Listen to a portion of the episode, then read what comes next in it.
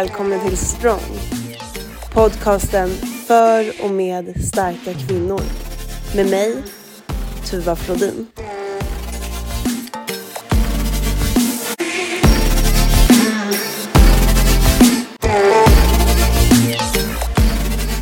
Och sen så hälsar jag Selma Allerbo välkommen till veckans podd. Tack så mycket. Ja. Kul Spännande. att du eh, ville vara med. Ja, tack för att jag får vara med. Det här känns ju fantastiskt. Skitkul. Vad härligt. Kan inte du berätta lite om dig? Ja, ja jag heter Selma Allebo och eh, driver företaget Fertil, Fertil Energi.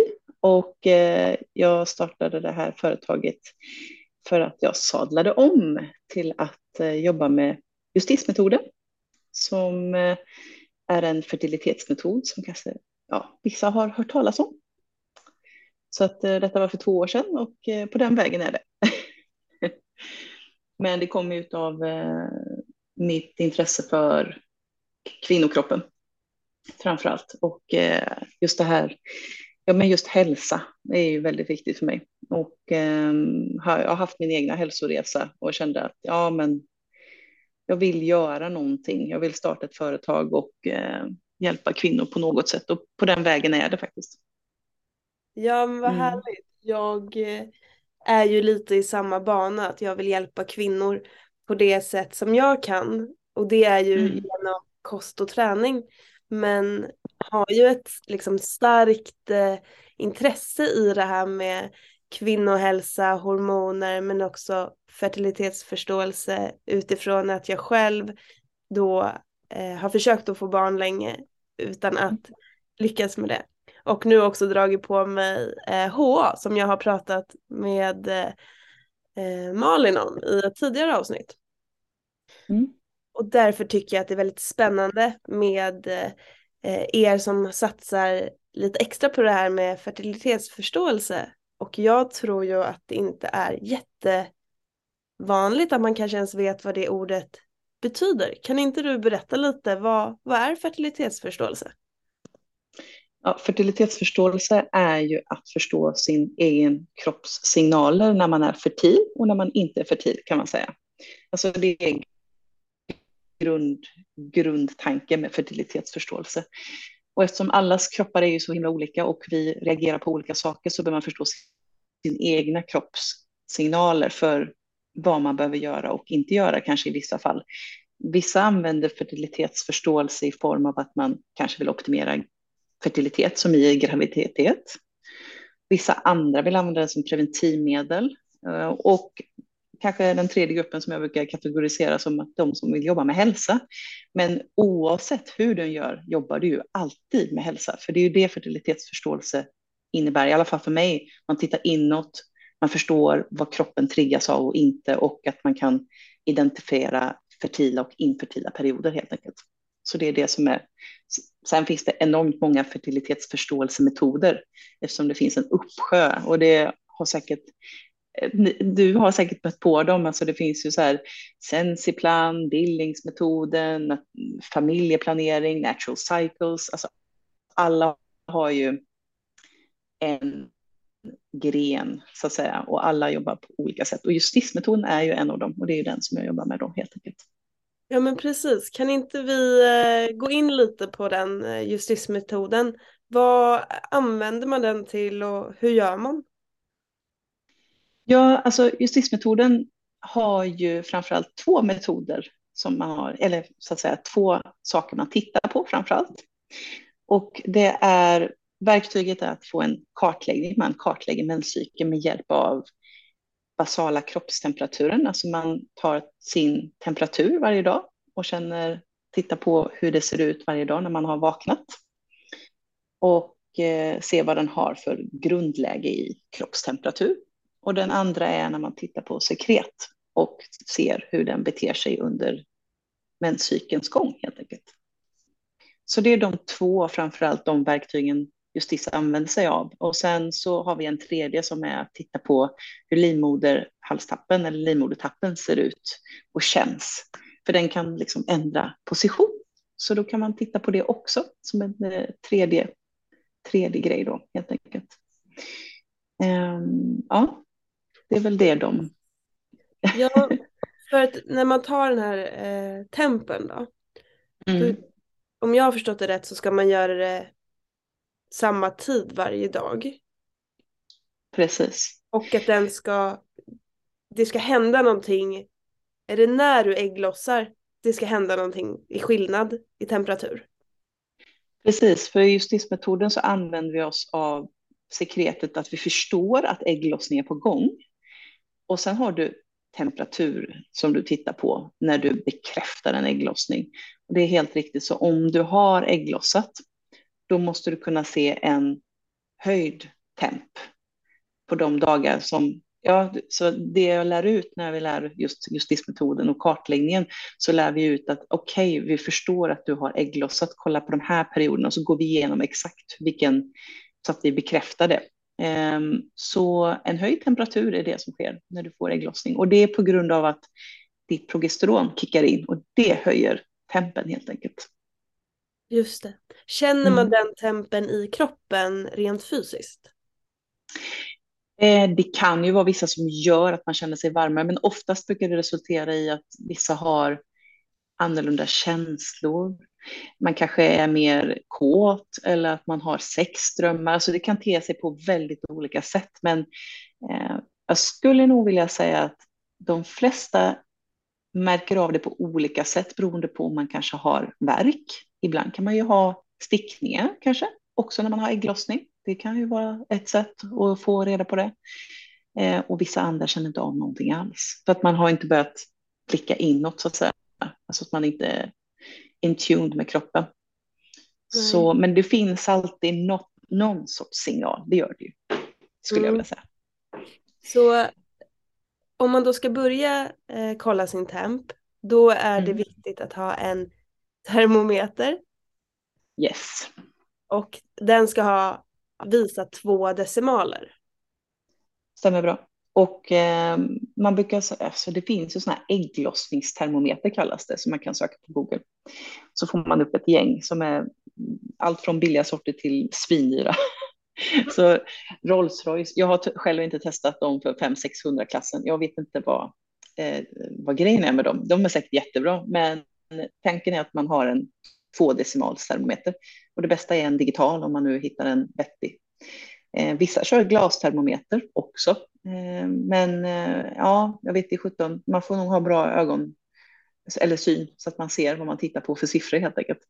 Just det. Annars funkar det också. Ja, och bara för att göra det lite tydligt, var ska tempen tas? Man kan ta det på tre olika ställen. så det beror lite på vad man är bekväm med. Ja. Eh, vissa tar den i munnen. Andra tar den under armen. Och slutligen så kan man också ta det i vaginan. Så det är lite oralt, vaginalt eller under armen. Så det är väldigt olika. Eh, vad man är mest bekväm med och vad man har möjlighet till. För det är inte alltid alla som... Men jag kanske också föreslår, det finns ju faktiskt ett märke som heter Tempdrop. Som är en sorts... Eh, ja, men den mäter också temperaturen, så har man det på armen när man sover. Mm. Eh, vissa använder Aura Ring för att kolla vissa temp tempmätningar. Så det finns olika sätt, men oftast så brukar jag rekommendera klassisk termometer i så fall om man nu ska titta ordentligt. Mm. Och eh, hur viktigt är det att man tar på samma tidpunkt? Viktigt, eh, för att det finns, regeln brukar vara om vi säger exempelvis att du vaknar 6.30 varje dag. Då säger, sätter man det som bas och så har du en, ett fönster på en timme framåt och en timme innan. Så att du har, om du vaknar 6.30 så kan du ta tempen fram till 7.30 eller baklänges då 5.30 så då har du en, liksom en två timmars öppet fönster för att kunna mäta. Men sen om du utöver de tiderna då kan det ju bli problematiskt för då eh, din temperatur höjs ju och sen är det ju lite sådana här klassiska saker som att du inte ska röra dig för mycket eller gå upp eller vandra runt innan du tar tempen också. Så det finns många saker som kan göra att det blir avvikande och det är också det jag lär i kurserna, nämligen att se hur man ska göra. Mm, jag förstår. Mm. Så tempen, den tar vi och då bekräftar vi ägglossning. Men om det är så då att, för då är ju liksom loppet lite kört för den månaden om man nu skulle försöka att bli gravid exempelvis. Hur då är det sekretet som vi håller koll på för att vi ska vara beredda? Förstår du hur jag menar? Jag tror jag förstår det, men loppet är inte kört. Om du har ägglossat så har Nej. du ju faktiskt en viss tid efteråt också. Eh, ägget lever ju i från 12 till 24 timmar efter ägglossning. Och eh, då kan man ju faktiskt, om man har sekret fortfarande, då har du möjlighet att bli gravid efter ägglossning. Så att där finns det definitivt en chans före ägglossning och en chans efter. Det går absolut att bli gravid på det. Okej, ja toppen. Mm. Men då om vi ska kolla det här sekretet då, hur, hur gör man det? Ja, det finns, det också, det går jag in ganska ingående på exakt vad man behöver titta på. Man behöver titta på lite olika saker. Eh, just med sekretet i sig så tittar man på hur den ser ut, vad är det för färg, hur det luktar ibland också. Och så tittar man på pappret när man torkar sig. Så att vi går igenom väldigt många olika saker. Så det är egentligen hur sekretet beter sig. Så ju närmre ägglossning du kommer, desto mer annorlunda ser sekretet ut. Det beter sig annorlunda och sen så lär jag ut på kurserna just det här med att alla har ju olika sorters sekretmönster. Så bara för att jag pratar om det här och det här och det här så behöver det inte betyda att alla ser allting, utan vissa har helt annorlunda mönster. Så om man exempelvis har varit på preventivmedel så kan sekretmönstret se väldigt annorlunda ut. Sekretet ser annorlunda ut. Ehm, så där får man vara uppmärksam. Det kan ju vara så att ibland har man infektioner man inte ens tänkt på det. Då kan man se det på sekretet och sekretmönstret.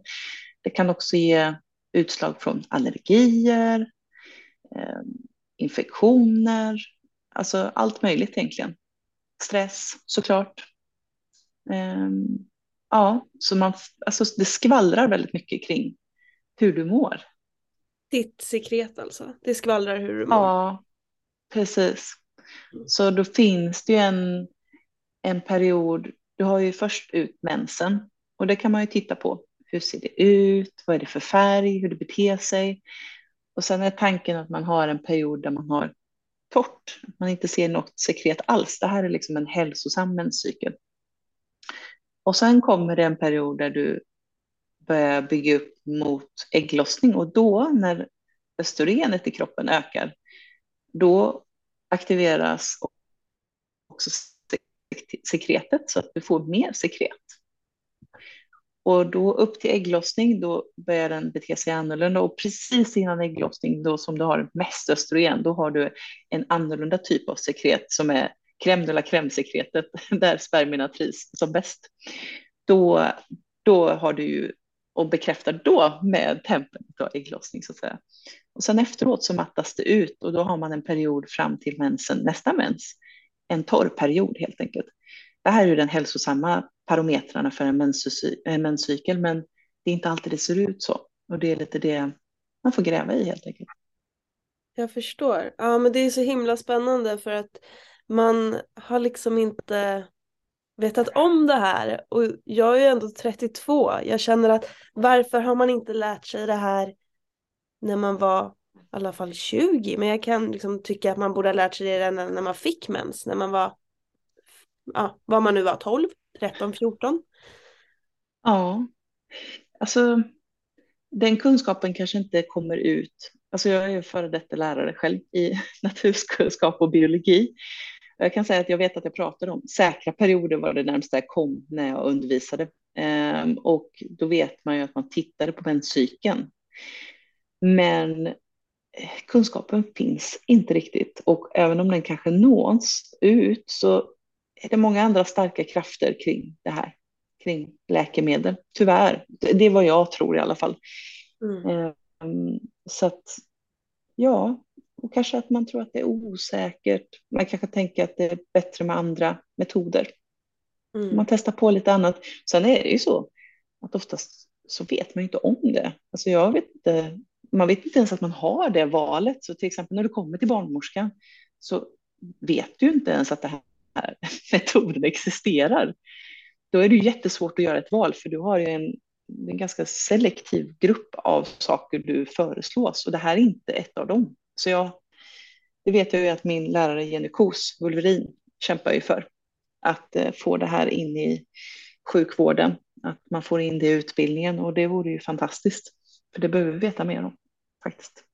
Ja men verkligen, jag tycker ju att eh, det borde vara en ett givet eh, alternativ i alla fall. Sen om man väljer att gå en annan väg, då är det upp till var och en. Men det borde vara ett givet alternativ att inte behöva ta någon form av eh, läkemedel. Ja, framförallt också de som efterfrågar hormonfritt. Alltså det finns ju väldigt många som mår dåligt av eh, ett, kanske ett visst preventivmedel. Och då tycker jag att det hade varit skönt om man hade kunnat veta att det fanns ens någonting tillgängligt som är hormonfritt. Um, och då tänker jag inte på kopparspiral. Nej, precis. Då kommer jag säga, men då jag slippa kopparspiral. Men det var inte det jag tänkte.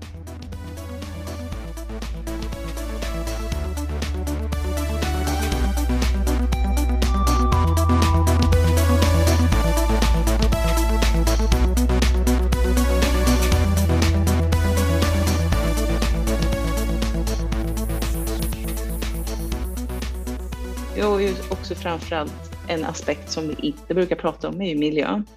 Mm. Det är så förbaskat viktigt. Jag menar, allt vi gör kommer ut i våra vattendrag. Det finns ju faktiskt det finns tydliga studier och forskning på att det har haft problem med fiskar som har haft problem med sitt reproduktiva organ. Alltså de kan inte reproducera sig, kan inte få barn. På grund av att vi har stoppat i oss exempelvis p-piller som går ut i eh, avloppet liksom. Ja, alltså vi kissar ju ut en massa saker som mm. är från allt från smink till textil, alltså allting som tas upp av kroppen oavsett om det är från huden eller liksom från munnen så kommer det ut från kroppen och det kommer ut i våra vattendrag. Så absolut, det, det, det påverkas ju. Mm. Det kommer ju tillbaks till oss helt enkelt också. Inte bara att vi inte får mer fisk, utan, utan också att de får problem. Alltså att vi kanske också tar upp saker och ting som de har tagit upp. Alltså det, allting är en cirkel. Mm. Ja, och jag tycker att det här är väldigt intressant. Jag vet inte om det är för att jag själv då ser ju att jag vill förstå min egen kropp. Eh, men jag tror inte jag funderade så mycket innan jag ville bli gravid. Och därför tänker jag så här, liksom, finns det några fördelar med det här utöver då eh, att öka chansen eller minska risken för att bli gravid. Att förstå sin egen kropp.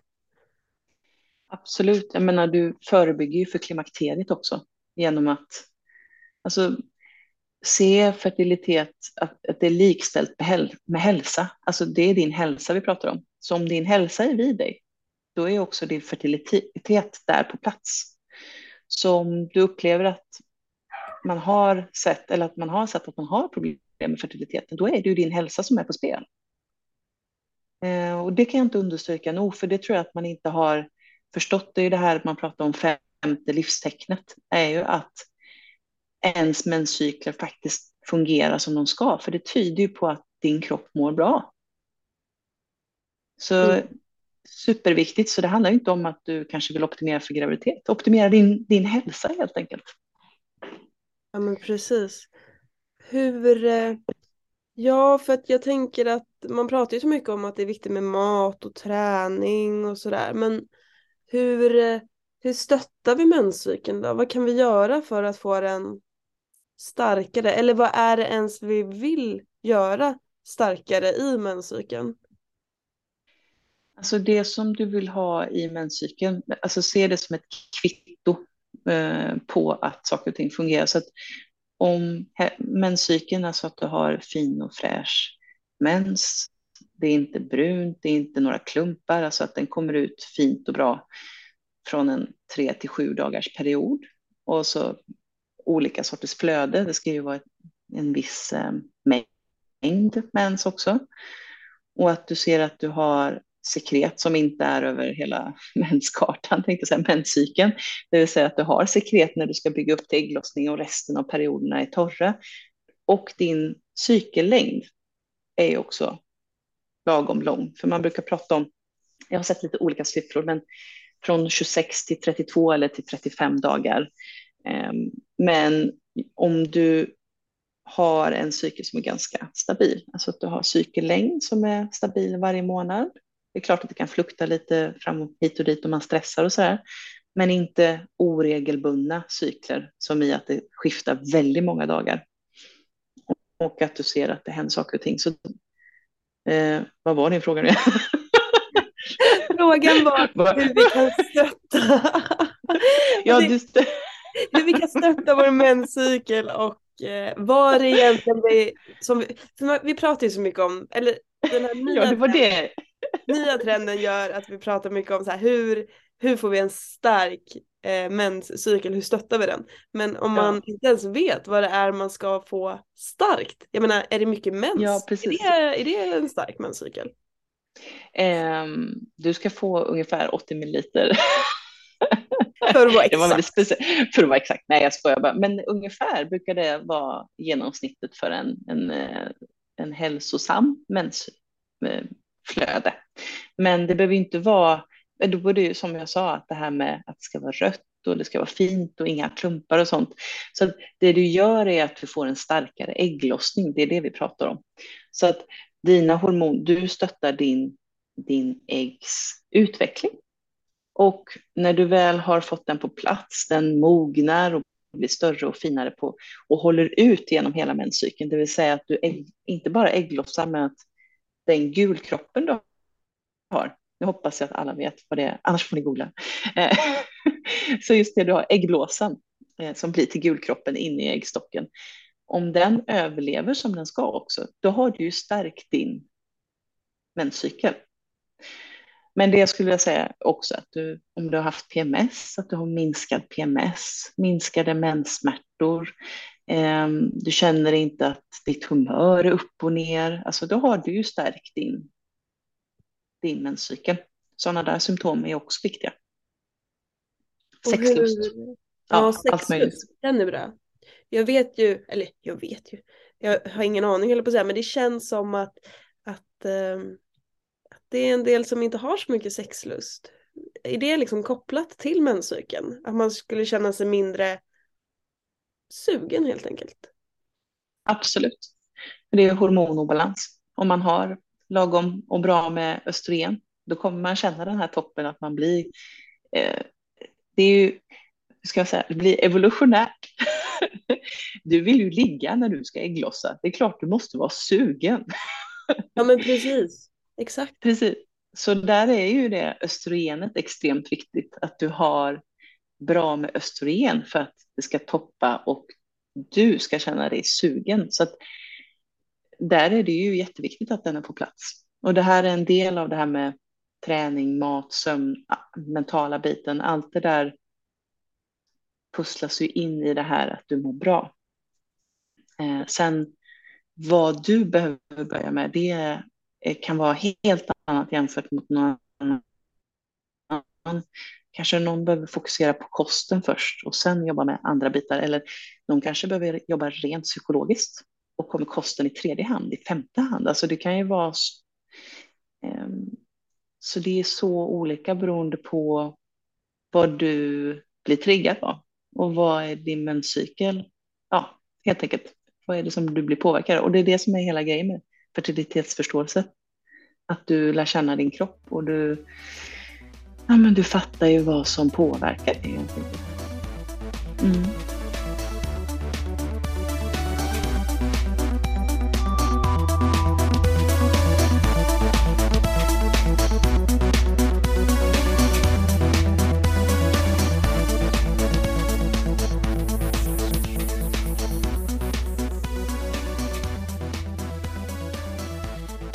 Du säger ju att demenscykeln, att det är väldigt beroende på vem man är, eh, vad man behöver jobba med, om det är eh, mat eller om det är träning eller återhämtning, det psykiska, vad det nu skulle vara. Och då tänker jag att det här för ju oss in lite på vad du gör i ditt företag. Kan inte du eh, berätta vad, varför startade du det? Hur kom du in på det här? Och vad kan du hjälpa oss som vill förstå våra menscykel bättre? Ja, alltså så som jag jobbar, det är att jag har bland annat justiskurser till att börja med. Och då får man lära sig justismetoden. Och, och eh, då kan det vara olika orsaker till varför man vill börja med det. Alltså det var ju exempelvis man kanske vill ha koll på hälsan, man kanske vill bli gravid eller så vill man undvika att bli gravid. Så det finns många olika orsaker. Och då brukar jag alltid börja med, för mig är det viktigt att förstå vad klienten vill, vad de vill jobba med och framförallt också vad de, vad de har gått igenom. Alltså allt från, för jag brukar skicka ut ett hälsoformulär. Och här är det superviktigt att jag förstår lite kanske deras bakgrundshistoria med deras gener, fråga lite kring familjehistorik och symptomer som man har haft i familjen. Så att man kan få lite pusselbitar där och framförallt om man har, vad man har gått igenom i livet. Det kan vara allt från operationer, frågor om preventivmedel, miljöer där man har blivit utsatt för liksom, gifter eller vad det kan vara precis allt möjligt eller infektioner eller vad det nu kan vara. Eh, kanske någon behöver jobba med att träna mindre. Att träna kan det vara kosten eh, som man behöver ändra på. Man kanske har lite olika vanor som man kanske funderar på att ta stegvis. Och här är det också, måste man tänka på om man har en ätstörning i grunden. Alltså allt sånt måste liksom kokas ner i att jag presenterar någonting som klienten är, vad ska man säga, sugen på att testa om man nu vill förbättra sin fertilitet. Och det är ju lite det som är del av justismetoden också, för du lär ju känna din kropp. De flesta jobbar ju helst med hälsan på ett eller annat sätt. Um, och själva justismetoden är ju som, alltså det är ju verktyget helt enkelt. Så kan man se det. Um, och varför jag jobbar, hur jag jobbar. Alltså, sen har jag ju också en del som jag börjat utveckla lite och det är den eh, spirituella vägledningen. Att jag har, om någon skulle vilja ha rådgivning eller en, flera möten där man behöver titta på någonting som har med fertiliteten att göra, att man kanske har frågor kring en specifik situation som man har. Och kanske också behöver vägledning rent spirituellt så har man möjlighet att få det också. Så det är lite Eh, men det är ganska nytt så att jag har inte riktigt, det är lite den spännande delen av det jag ska börja göra lite mer med. Ja, det är jätteintressant. Jag eh, tycker ju att den spirituella delen är väldigt, väldigt eh, spännande. Jag är också supernyfiken på den. Tror du att eh, Tror du att det kan vara så att det är något chakra som är blockerat eller någonting? Om det är så att man ja men kanske har svårare att bli gravid eller kan det vara något sånt? Nå... Absolut, om man nu tror på den delen. För det är inte alla som gör det. Jag är extremt vetenskaplig av mig, så att, eh, att ha tagit till den här delen eller den här delen av mig själv eh, är väldigt stor.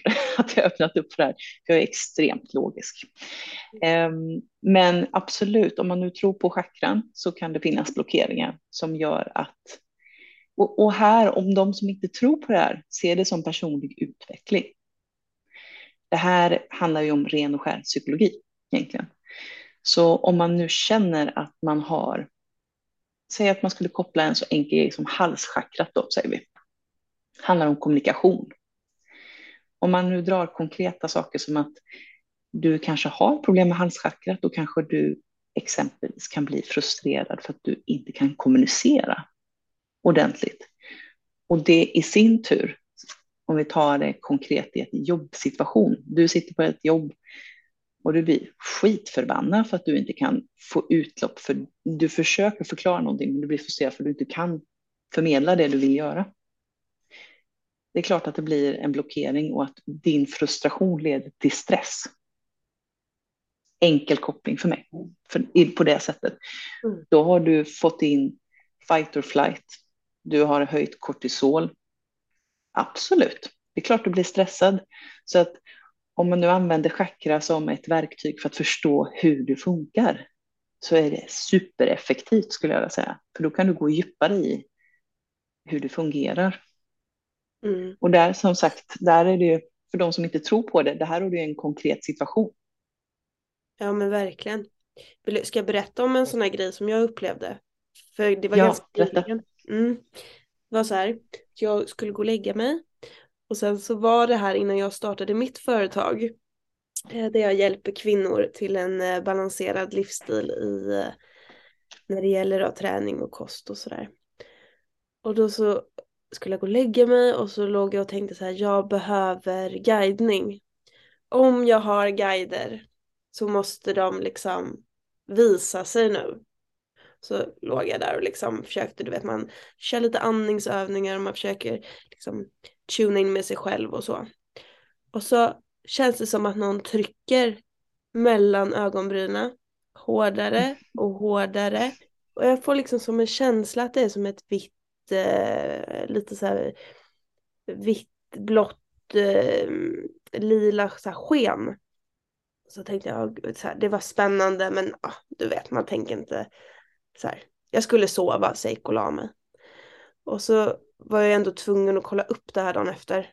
Så här, vad är det egentligen med, för jag vet ju att det är pannchakrat liksom, vad är det där? Och så var det då det spirituella och eventuella guider. Coolt. Är inte det lite så här, för, för oss som är i den här svängen, är inte det lite, ja, det är coolt. Mm, det är häftigt. Ryser man lite så här. och jag tycker det är det som är coolt, alla får ju ta reda på själva vad de, men precis hur de vill jobba med det här. För det finns ju så många olika vägar att gå. Vissa kör soundhealing, några andra kör shamanism, kapp. Alltså det finns hur mycket som helst att utforska egentligen där. Mm. Och där tycker jag är häftigt för att i min, i, alltså det som jag erbjuder mina tjänster, jag vill tänka väldigt brett. Och jag vill rekommendera folk, om det är så att det finns någonting jag inte kan, så kommer jag rekommendera vidare till någon som är lämplig. Det spelar ingen roll vad det kan vara. Jag tycker att det är superviktigt att man, Jag men vet inte, jag känner att jag har en, ett behov av att tänka brett. För jag vet inte vad som passar min klient om man inte nu får utforska lite. Och det spelar ingen roll om det är akupunktur, örtmedicin, eh, sound soundhealing, om det är chakrabalansering eller vad det nu än kan vara. Så tycker jag att det är viktigt att man utforskar alla bitarna. För det kan finnas saker som vi inte når åt med kanske enkel psykologi. Kanske. Så här, nu vill jag inte förringa några psykologigrenar, men det är inte alltid man får tillgång till dem. Man brukar ju prata om också att trauma sitter i kroppen. Det finns ju vissa grenar som pratar om det. Jag har en, en, eh, favorit och det är Gabor Maté som är en kanadensisk eh, beroendeforskare. Och han forskar ju på hur eh, beroendeproblematik är kopplat till anknytningsteori, alltså hur man, hur man växte upp och vilka förhållanden man växte upp i och hur man har hanterat trauman. Och det kan ju leda till att man skapar beroende i vuxen ålder. Alltså det spelar ingen roll om det är pengar, sex, droger, alltså mm. all sorters beroendeproblematik egentligen. Eh, och hur det är kopplat till hur ens nervsystem fungerar. Wow. Och det, ja, det är verkligen wow. Så för mig är det, jag är jätte, jätteintresserad av, eh, jag vill väldigt gärna läsa mer om polyvagal theory, alltså Peter Levine, somatic experience, alla de här bitarna som finns också. Ja, det finns en hel gren som jag skulle gärna vilja grotta mig in i, eh, liksom allt det här med kinesisk medicin och allt möjligt, men jag vet, fan, vet inte var jag ska börja, för det finns så otroligt mycket häftiga grejer. Eh, men eh, om man kommer till mig så får man nog en rad olika, olika insikter och det spelar ingen roll också, för jag just nu senast så läste jag artiklar om D-vitamin så att det kan vara väldigt högt och lågt om man nu ser det så. um, jag är fascinerad av kroppen och det krävs olika verktyg för att förstå den ibland. Faktiskt. Ja men verkligen. Men du sa att du var lärare och då var du lärare i biologi? Biologi, naturkunskap och engelska. Mm. Jag jobbade i cirka tio år som lärare på eh, framförallt gymnasiet. Mm. Men jag var på komvux också, mycket. Mm. Och sen hur uppstod eh, det här intresset då, att gå den här vägen? Alltså, det här är mitt tredje karriärsbyte. Eller det blir tre, tredje yrket blir det. Eh, jag började plugga faktiskt eh, oceanografi, heter det. Och det är hur vattenströmmar fungerar i havet. Jaha, wow. ja, jag var superintresserad av, eller jag är fortfarande intresserad av havet jättemycket. Så jag började plugga just ja, men hur vattenströmmar fungerar rent fysiskt, alltså matematiskt. Tyckte det var superkul, flyttade till Göteborg och tyckte wow, det här ska jag göra. Blev inte riktigt som jag hade tänkt mig. Så jag hoppade av den och eh, hoppade på lärarutbildningen och fortsatte med biologi. Och eh, tog till också engelska eh, som mitt andra ämne. Och läste det och sen tog en kandidat i marin ekologi i farten och sen så gjorde jag klart min lärarexamen. Och efter det jobbade jag i tio år och sen hade jag, var inte, jag var mer intresserad av marinbiologi. mer alltså sådana roliga saker som hade med havet att göra snarare än människokroppen. Men senare år blev jag mer och mer intresserad. Jag upptäckte just det här med preventivmedel och hur det fungerar. Jag har mått skitdåligt, verkligen länge. Och det blev bara värre och värre och det hjälpte inte att jag la om kost, det hjälpte inte om att jag la om träningen. Det blev ändå värre gradvis. Jag hade, de, inte depression, men jag var extremt deppiga perioder, utmattad, gick in i väggen och fick hjärntrötthet faktiskt en period. Och eh, ja, det tog ett tag innan jag till slut bestämde mig att gå av preventivmedlen och det tog väldigt många år och då har jag frågat mina läkare, jag vet inte hur många gånger, är det normalt att man inte har mens? Mm, mina läkare sa, nej, nej, det är ingen fara. Och jag sa, hur länge kan man gå på preventivmedel utan att det blir dåligt? Nej, men det kan gå hur länge som helst. Så jag hade ju en inneboende känsla av att någonting var fel. Mm. Eh, mest för att jag mådde skit också i omgångar och sen gick jag av för, vad kan det ha varit, tre år sedan nu snart. Och jag har inte mått, alltså vilken jäkla skillnad. Det var som att dimman lyfte. Mm. Och då har jag varit på preventivmedel så länge. Fy, ja. kände jag. Ja. Kunde man må så här bra? jag tänker att det ofta är en, en självupplevd eh, upplevelse som gör att man ändå blir väldigt intresserad för ett ämne som har legat li, lite i skuggan mm. länge liksom. Jag tycker att det är nu på senare år som man verkligen hör att nu börjar det komma. Nu börjar vi kunna vi som har mens börjar kunna få ett, eh, en bättre förståelse för hur det funkar.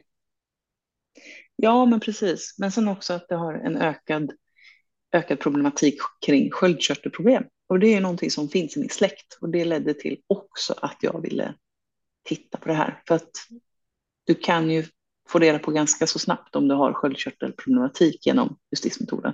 Mm. Kring tempande och kartläggning och sen att man skickar iväg folk till att ta blodprover. Mm.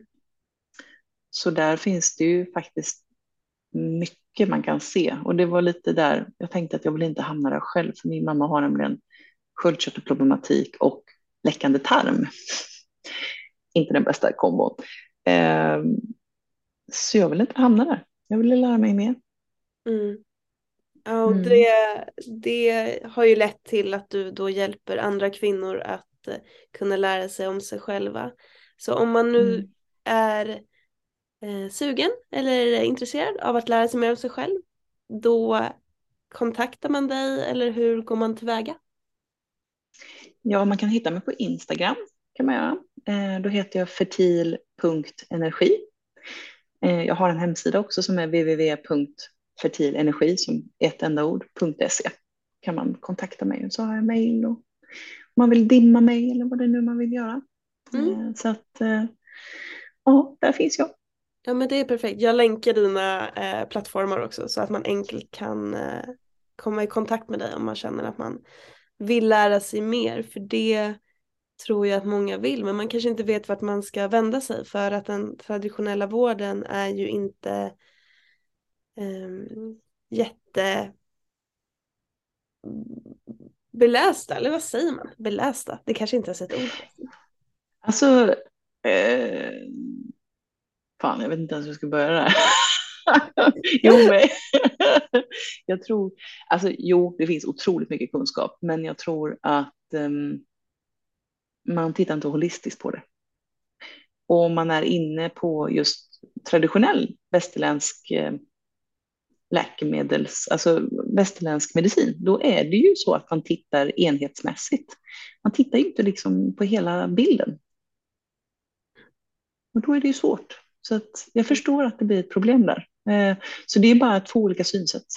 Mm. Västerländsk medicin hade varit, alltså fasiken vad häftigt det hade varit om någon kunde merga, ta två västerländsk och österländsk medicin tillsammans. Wow, mm. säger jag bara. Just den här holistiska bilden av att titta lite större. Men man jobbar ju delvis så i Tyskland, så att jag menar, det finns ju. Det är bara att Sverige har inte kommit lika långt där. Vi behöver bli lite mer öppna kring tankesättet och det finns många aktörer som har börjat komma upp nu och det känns jättehäftigt. Det är en ny revolution på gång skulle jag säga. Ja, ja men det känns verkligen roligt och eh, det känns eh, tryggt att man kan eh, få hjälp på ett eller annat mm. sätt i alla fall om man vill studera sin egen eh, menscykel och optimera sin fertilitet eller vad man nu än ska göra med informationen så är det ändå att ta ansvar för sin egen kropp och det tror jag att många Precis. vill. Men det som är viktigt att understryka där är ju att det är inga quick fixes. Det är någonting man verkligen vill understryka. Att det går inte så fort. Man tänker så här, jag vill bli gravid nu. Ja, jag vet ju inte vart du är någonstans och hur det ser ut för dig, så då måste vi börja undersöka det först. Men det kan ta tid och det är någonting man måste veta. Om du nu har haft 25 eller 27 år på dig att ignorera din kropp, då kommer det ta lite tid. Vad då menar du inte att vi kan lösa det på två veckor då? Till nästa liksom, cykel eller? Fasiken två veckor alltså. så här speed, eh, här har du speed, speedfertilitet, bli gravid på två ja, veckor. Nej, nej, men det är faktiskt många som tror att det är så här, om kan vi fixa det med lite kosttillskott eller lite, eh, lite quick fixes med kosten eller träningen. Det funkar inte så fort. För vissa kan det göra det beroende mm. på hur det ser ut. Men jag vill liksom bara understryka att det tar lite tid att mm. lyssna in på kroppen. Mm. men också viktigt, även fast det tar tid så är det ju mm. superviktigt att vi gör det. Mm. Absolut. Jag eh, ställer ju alltid eh, tre frågor till mina gäster. Så jag mm. tänkte ställa dem till dig nu. Ja.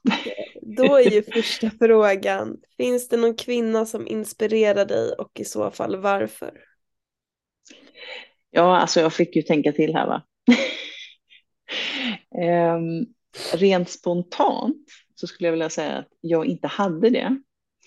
För att jag tycker att jag blir triggad och, eh, och fascinerad av så mycket saker och av så många olika personer så jag har svårt att plocka en. Men om jag var tvungen att göra det så får jag väl säga eh, jag tittade på Arkivex när jag var liten och eh, jag har ju en huvudkaraktär som spelas av Gillian Anderson som är Scully, Dana Scully, som är en vetenskapskvinna som jobbar med obduktioner framför allt i Arkivex. Och jag var väldigt fascinerad och jag vet att det är många som har faktiskt, det kallas för the Scully effect, att det är många kvinnor som gett sig in i vetenskapsbranschen på grund av henne. Jaha, vad spännande. Mm. Mm. Så att eh, många har blivit inspirerade till att söka sig och jobba inom vetenskap för att hon inspirerade till det. Mm. Så det är väl en inspiration. Ja, ja vad härligt. Um, min fråga nummer två lyder om du visste att du skulle lyckas, vad hade du gjort då? Oh. Jag minns att jag tänkte på någonting under dagen. Men det försvann. Det försvann bara. nu igen? Eh, ja. Eh, om jag skulle lyckas med någonting. Att lyckas få folk att förstå varför de känner som de känner, varför de har för sår och varför, var det uppkommer ifrån. Att förstå sig själva. Och försöka skapa förlåtelse och acceptans kring det och försöka komma vidare med kärlek. Nu låter det så jävla pretentiöst, jag vet inte vad jag ska ta vägen, men det var det. Det var ju hur Det var det fint som som kom helst. till mig. Det Det kom så till mig nu. Ja, men då var det ju rätt. så. Ja. Jag bara, jag hörde hur det själv lät. Är du säker på att du inte har skrivit ner det där? Nej, absolut Nej, inte. Du glömde världsfred. Ja, just det. Det lå- låter ju nästan som en eh, vad heter sån här contest, eh, vad Ja, heter det? Queen, exakt. eh, Miss Mm. Universe. Miss Universe, ja precis. Alltid måste avsluta en world peace. precis. Ja, det var bara det som saknades. Det blir Ja. ju world peace om folk reder ut sin skit, just Ja. saying. Ja, helt rätt. Mm.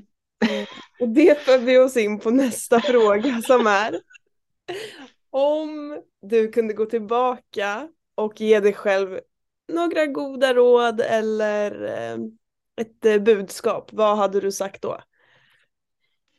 Alltså det här, jag har många gånger grämt mig, men jag har kommit fram till att jag hade inte velat ändra någonting. Fint ändå. För att det finns, ja hur ska man säga det här på ett vettigt sätt?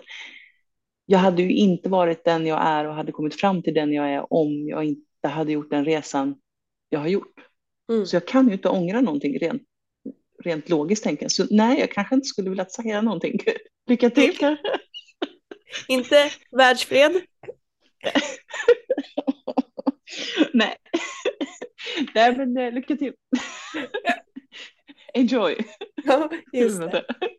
Ja, men du, med det sagt tycker jag att eh, vi stänger dagens avsnitt. Jag eh, vill tacka dig så ödmjukast för att du tog dig tid att prata med mig om det här. Och jag förstår ju att vi bara har liksom scratchat lite på ytan eh, i ett ämne som är mycket större. Men eh, det kanske i alla fall har gett en liten inblick i vad det är för något så att varje enskild person kan gå vidare på det sätt den önskar. Mm.